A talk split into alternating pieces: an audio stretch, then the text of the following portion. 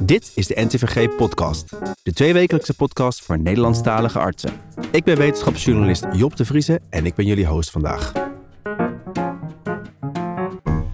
Ik praat jullie de komende 30 minuten bij over interessante ontwikkelingen in de medische wereld van het nieuws uit de recentste nummers van het NTVG.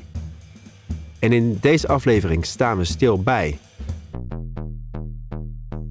meer regionale samenwerking om de Nederlandse gezondheidszorg houdbaarder te maken. De oplossingen die we eerder hadden in de zorg, namelijk meer geld en meer personeel, dat kan niet meer. De hoogtepunten uit de recente internationale medische literatuur, behandeld door artsen in opleiding Tim en Ernst Jan. We beginnen met een artikel over een nieuwe ontwikkeling bij harttransplantaties. Wel wat ver van ons bed, die harttransplantaties, maar wel een hele gave ontwikkeling. En waarom artsen toch echt beter kunnen gaan zitten voor een belangrijk of moeilijk gesprek met een patiënt of diens familie. En ik vroeg me toen af van, is er nou eigenlijk een verschil tussen staan en zittende dokters? En waarom doen we het eigenlijk zo weinig? We beginnen met de rubriek Wat hoor ik daar? Het spel waar je de betekenis van geneeskundige geluiden mag raden. Ik laat het geluid horen en verderop in deze aflevering onthullen we wat het was.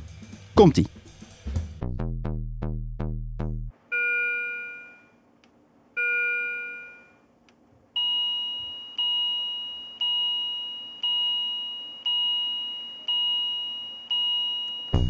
Laat het even bezinken, gaan wij ondertussen door met het eerste interview van mijn collega Anna van Kessel.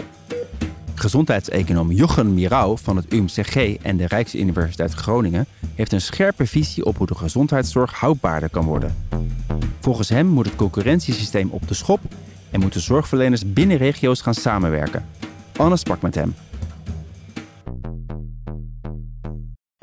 Goedemorgen, Jochen. Dankjewel en dankjewel voor de uitnodiging om bij de podcast te komen. Je zegt in je artikel: de marktwerking is voorbij, het werkt niet meer. Wil je dat toelichten? Wat we zien is dat vanwege de demografische verandering we steeds grotere vragen krijgen naar zorg en tegelijkertijd er steeds minder mensen die in de zorg werken, waardoor we zien dat er heel veel onvervulde vacatures zijn aan de ene kant en lange wachtlijsten aan de andere kant. En zo zie je eigenlijk dat de capaciteit die nodig is om met elkaar te concurreren, dat die aan het afnemen is omdat de meeste aanbieders al de grootste moeite hebben om hun eigen wachtlijsten weg te werken. Laat staan dat je gaat concurreren om ook patiënten van een andere organisatie over te nemen. En in je artikel noem je ook dat het een uitdaging is dat we niet meer aan de zorgplicht kunnen voldoen. Daarbij had je een mooi voorbeeld uit eh, de jaren 90. Kun je dat nog even toelichten? Ja, eigenlijk eind jaren 90 waren we op een heel soortgelijk punt als nu in termen van wachtlijsten. Dus nu zien we dat de wachtlijsten in grote delen van het land langer zijn dan de zogenaamde treeknorm. En de treeknorm is de norm die we hebben afgesproken hoe lang je zou moeten mogen wachten op zorg, zodat het binnen de zorgplicht blijft. En in de jaren 90 had je een soort gelijke situatie dat in de oudere zorg de wachtlijsten dusdanig lang werden dat een aantal oudere organisaties de staat voor de rechter gedaagd hebben en gezegd hebben van hé, hey, Eigenlijk wordt vanwege de lengte van deze wachtlijsten niet meer voldaan aan de zorgplicht. Daar is de rechter toen in meegegaan en heeft de rechter gezegd dat klopt. Het is echter niet de staat die aansprakelijk is, maar het zijn de zorgverzekeraars die daarvoor aansprakelijk zijn. En dat was toen een grote kanteling in het zorgstelsel. Je ziet ook een, echt een stijging in de zorguitgaven dan. En gingen meer mensen in de zorg werken. En zo werden die wachtlijsten eigenlijk weer ingekort. En hadden we eigenlijk de overgang ook van het ziekenfondsstelsel wat we daarvoor hadden naar het stelsel van gereguleerde concurrentie. Dus we zitten eigenlijk weer op hetzelfde punt. Het grote verschil is, is dat de oplossingen die we eerder hadden in de zorg, namelijk meer geld en meer personeel, uh, dat kan niet meer. Kijk, geld kun je altijd wel ergens vandaan krijgen. Desnoods leen je het, maar personeel kun je niet lenen. Waardoor we dus ook naar andere oplossingen zullen moeten kijken ten opzichte van eind jaren 90. En jij pleit als oplossing voor dit probleem voor een regionale inrichting van zorg. Hoe zou dat er in de praktijk uit moeten zien? Dat wat er voor nog komt, is ook het nadenken over hoe we op dit punt toch wel zijn gekomen. Dat we best wel veel zorgvraag hebben, waarvan een deel ook wel vermijdbaar zou kunnen zijn. En dan zie je dat in de uitgangspunten die we hebben voor ons gezondheidsstelsel, we wettelijk een zorgplicht hebben vastgelegd, maar geen gezondheidsplicht. Dus in het moment dat iemand ziek is, dan hebben we een heel wettelijk apparaat wat ervoor zorgt dat je tot aan de rechter aan toe kunt afdwingen dat je zorg krijgt, of het personeel er is of niet. Maar aan de andere kant, uh, als iemand nog niet ziek is en die je eigenlijk gezond wil houden, zijn er veel minder middelen om dat te doen.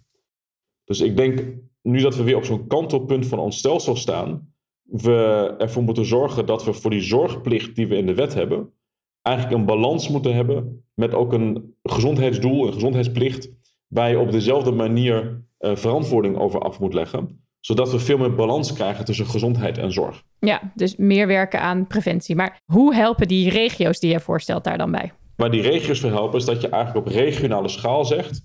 de zorgaanbieders in deze regio zijn verantwoordelijk voor het behouden van de gezondheid van die regio. En een deel daarvan gaat via zorg en een deel daarvan gaat ook via preventie. En binnen die regio's maak je afspraken met met de hele keten. Dus dat gaat van de eerste lijn naar de tweede lijn uh, tot aan de UMC, zeg maar, de, de topreferente zorg toe. En in plaats van dat je met z'n allemaal aparte afspraken maakt, kijk je ernaar hoe je uh, regionale meerjarenafspraken kunt maken. Jullie als regio zijn verantwoordelijk voor het goed op peil houden van betaalbare, toegankelijke en hoogkwalitatieve zorg. Waarbij het uitgangspunt is dat je streeft naar een bepaald niveau van gezondheid wat je wil bereiken. Waarvan soms de oplossing ook wel buiten de zorg kan liggen. Dus het kan ook zijn dat het veel meer in het sociaal domein ligt, onder sociale ondersteuning.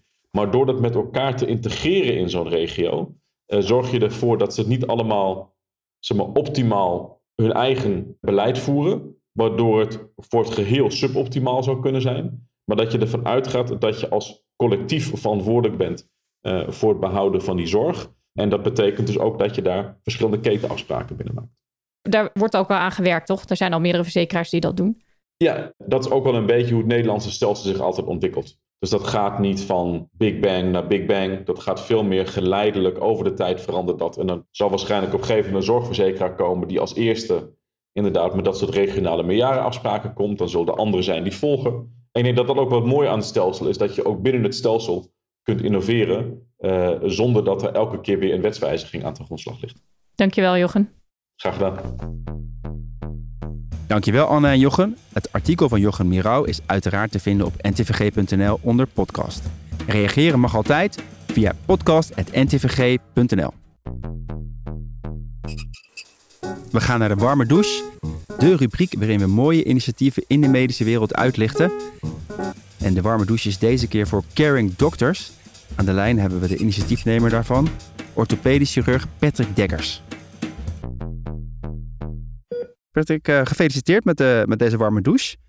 Dankjewel. Ja, jullie initiatief, uh, of eigenlijk jou, jullie initiatief heeft dat zeker verdiend. Zou je kunnen uitleggen waar Caring Doctors voor staat en wat de herkomst daarvan is? Ja, Caring Doctors is uh, eind vorig jaar opgericht. Uh, het is een organisatie voor zorgprofessionals die zich uh, willen gaan inzetten en wat we al doen voor de noodzakelijke transitie naar een hoofdzakelijk plantaardig voedselsysteem. En dat is veilig voor mens, dier en natuur. En waar komt het dan op neer in het ziekenhuis dat we met z'n allen, dus personeel en patiënten, meer plantaardig moeten gaan eten of willen gaan eten? Ja, als je naar het IPCC-rapport kijkt en het Eat Lancet-rapport, dan zitten wij te ver buiten alle planetaire grenzen. En een van de pijlers waar je dan een verandering moet realiseren is ons voedselsysteem. Dat is nu op dit moment heel destructief ingericht voor de vlees- en zuivelindustrie. Um, en als je hoofdzakelijk plantaardig eet, dan heb je gewoon veel minder uh, gezondheidsschade door welvaartsziektes, minder milieuschade en dat is ook een hele belangrijke, meer voedselveiligheid voor 10 miljard mensen. Ja, en daar begrijp ik dat toch wel hier en daar een diëtist nog een klein beetje zich zorg maakt dat de patiënten ook wel echt gezond, goed doorvoed het ziekenhuis uitkomen.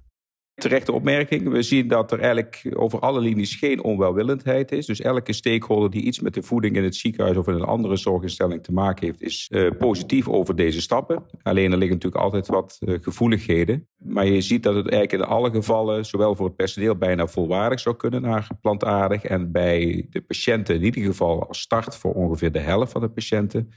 En dan de detaillering blijft natuurlijk bij de experts als de voedingsdeskundigen en de diëtisten. Dus dat is nog wel maatwerk waar nog vervolg op moet komen. Maar de grote transitie kan eigenlijk uh, in de volle breedte ingezet worden. Stel, ik ben een arts en ik vind dit wel een mooi initiatief. Wat kan ik doen? Je aanmelden via de site. Daar staat ook het manifest op. Daar kunnen mensen zich over inlezen. Daar staat trouwens ook een link naar het IPCC en Eat Lancet rapport. Um, want hoe meer gelijkgestemden we inderdaad binnen ons team hebben, hoe makkelijker we een ingang uh, creëren, zowel bij cure- en care-instellingen. En uiteindelijk ook indirect bij de politiek, want dat doen we natuurlijk ook nog. Dankjewel voor deze toelichting en nogmaals gefeliciteerd. Graag gedaan, dankjewel.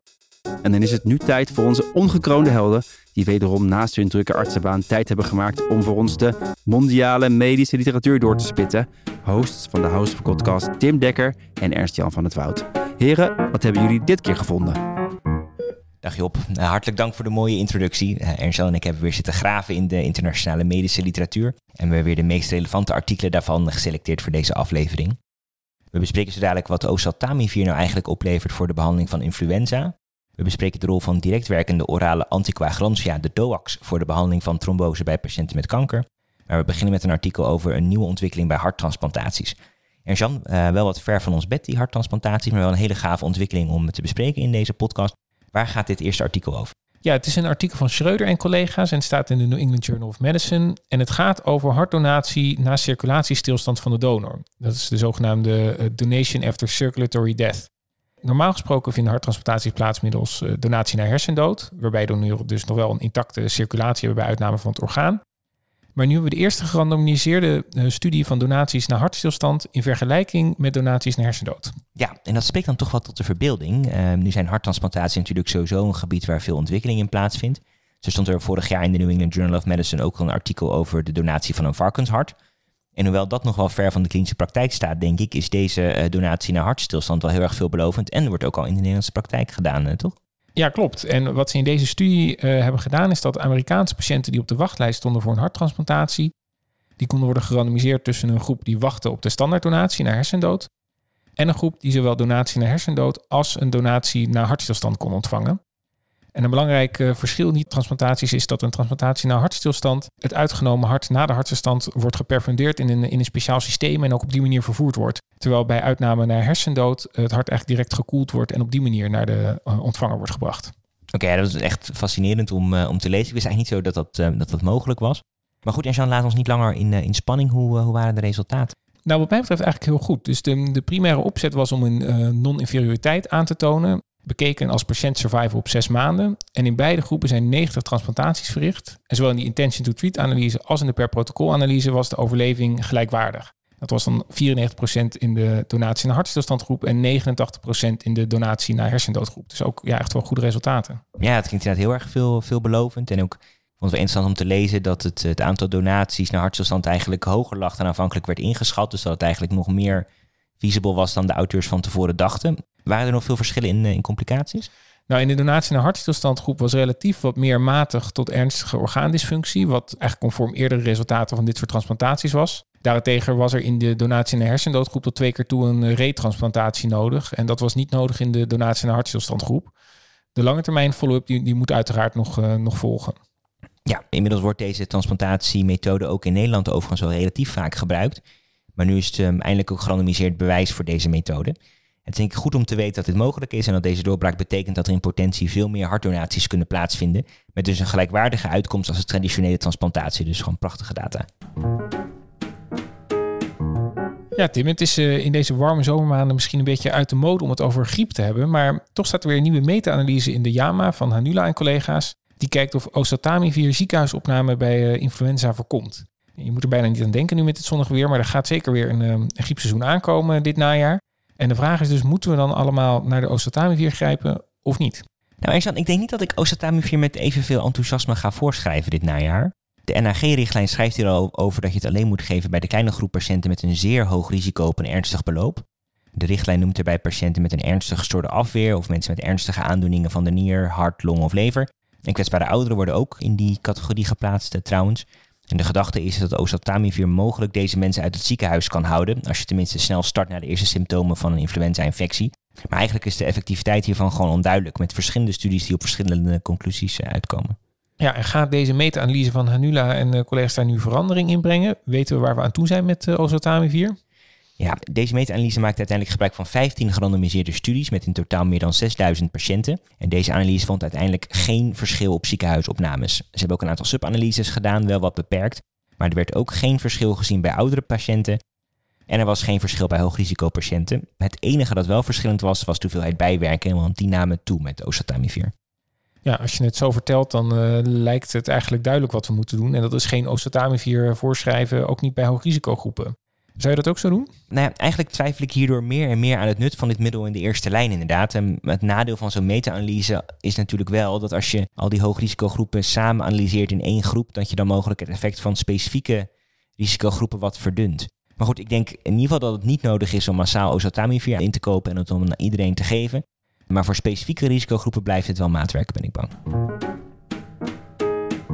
Ja, dan gaan we door naar een eh, medicijn wat denk ik alleen maar meer voor gaan schrijven. Namelijk de DOAC, de direct werkende orale anticoagulantia.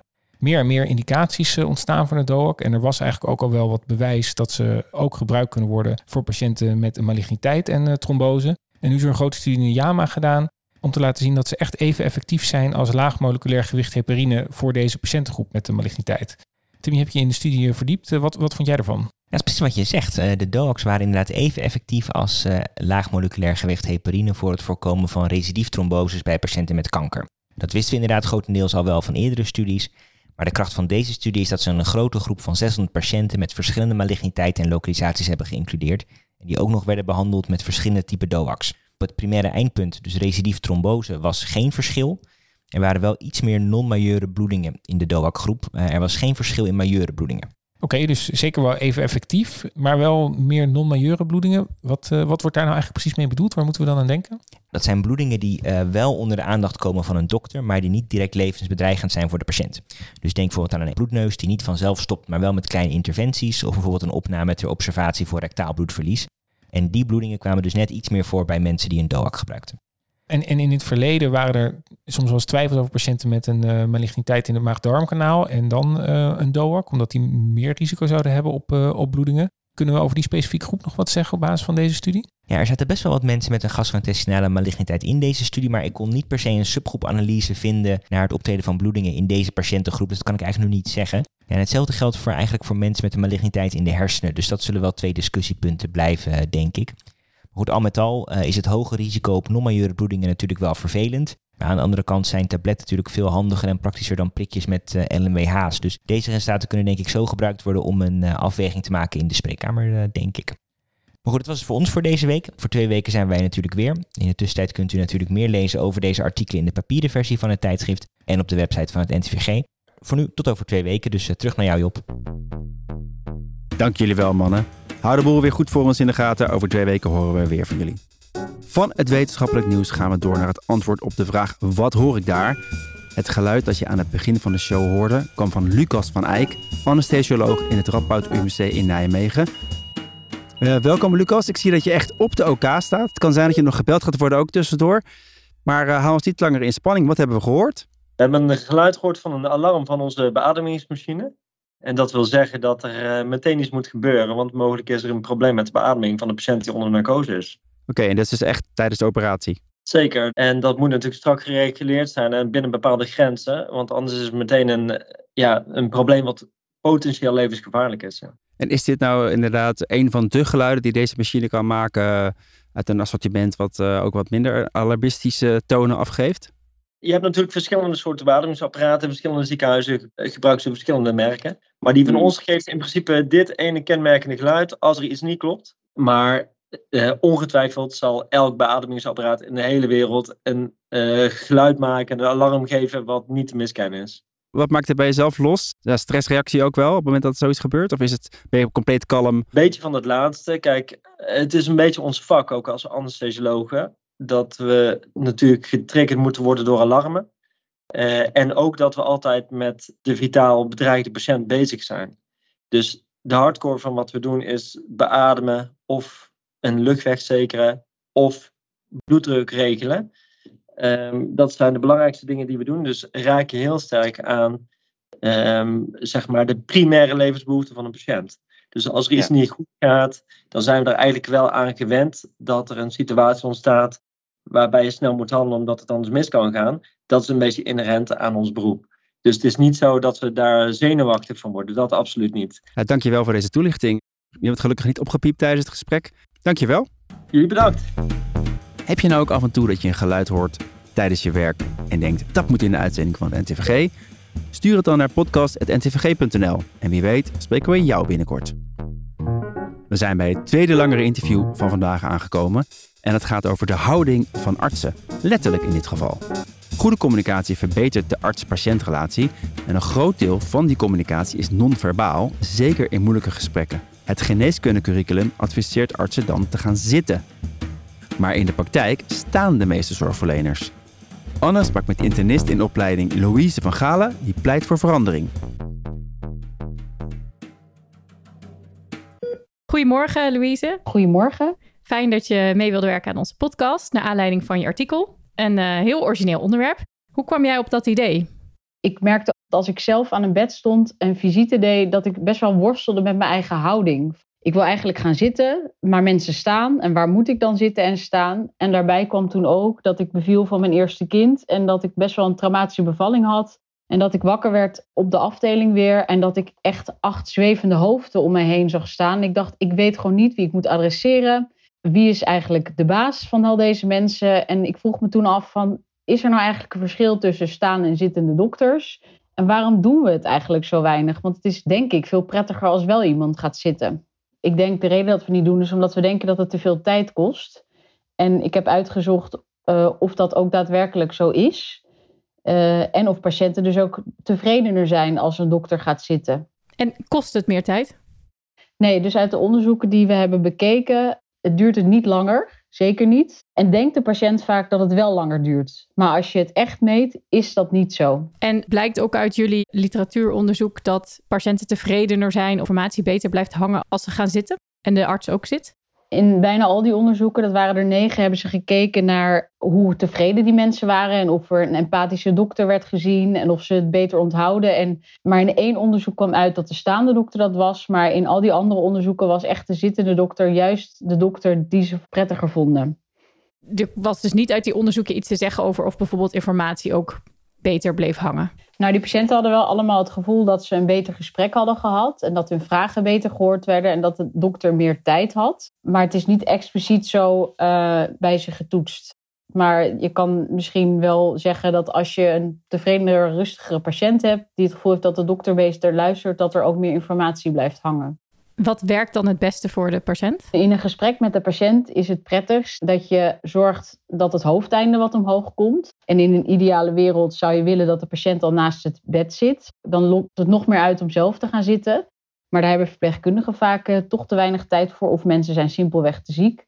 Maar in ieder geval zou ik adviseren om het hoofdeinde wat omhoog te doen en er zelf dus wel naast te gaan zitten. En wat betekent dit nou voor het advies aan dokters en andere professionals om minder te gaan zitten tijdens het werk? Nou, ik denk dat we sowieso te veel aan ons bureau zitten als dokter. We moeten veel meer bij die patiënt uh, zitten, in mijn geval dan. En natuurlijk is het helemaal niet goed om de hele dag te zitten. Maar ik denk dat de stress die dokters ervaren ook best wel onderschat is. En ik denk dat het heel erg onthaastend kan werken als je wel gaat zitten. Dat weegt misschien dan op tegen dat uh, wel of niet gaan staan of zitten. En we lopen toch wel rond.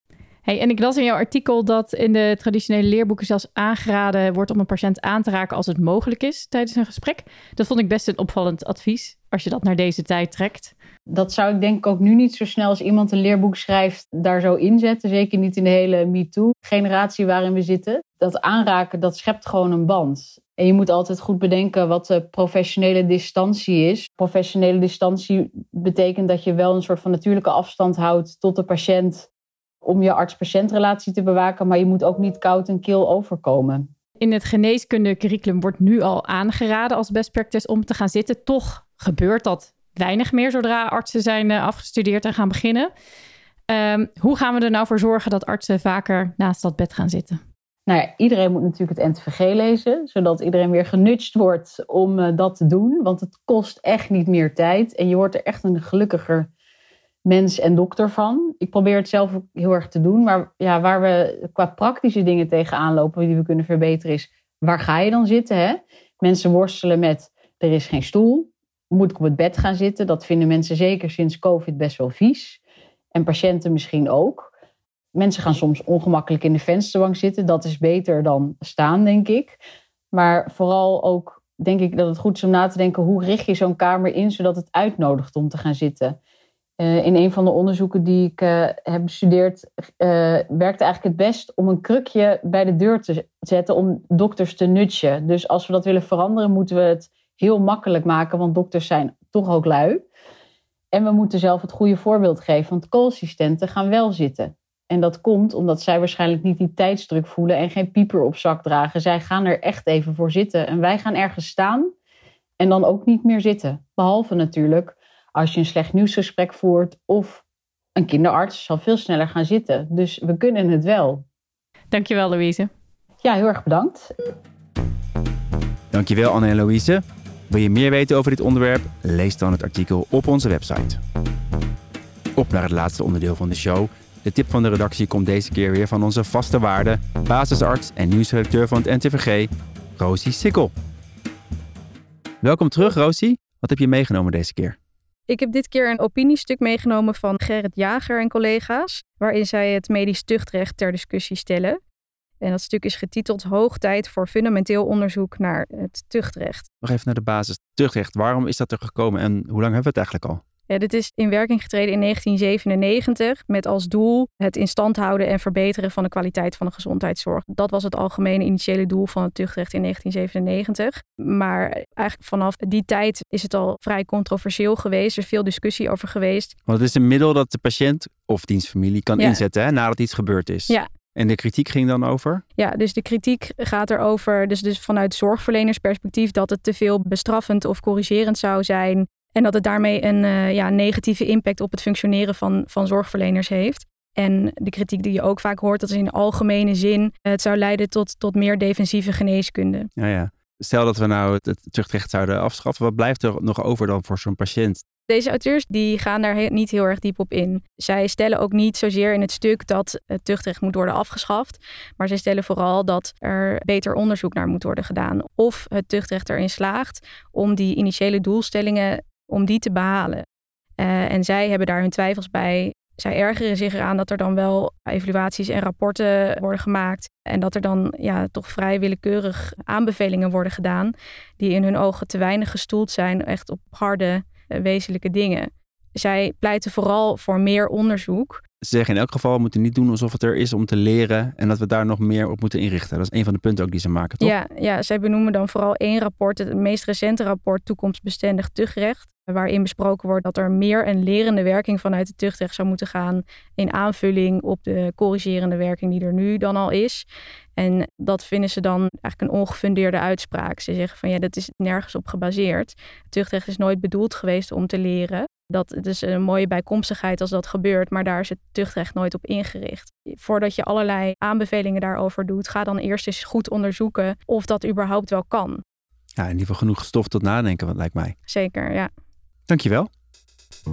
En hiermee zijn we aan het einde gekomen van deze aflevering. Hopelijk heb je met het luisteren het nuttige en aangename weer weten te verenigen. Heb je een vraag of een suggestie voor een van onze rubrieken? Laat het ons weten via podcast.ntvg.nl. Waardeer je onze podcast? Stuur ons dan door naar al je collega's en volg ons op je favoriete podcastkanaal. En laat vooral ook een review achter door een aantal sterren te geven. Zo help je ons om de beste en best beluisterde medische podcast van Nederland te worden. Over twee weken zit mijn collega Anne van Kessel hier weer.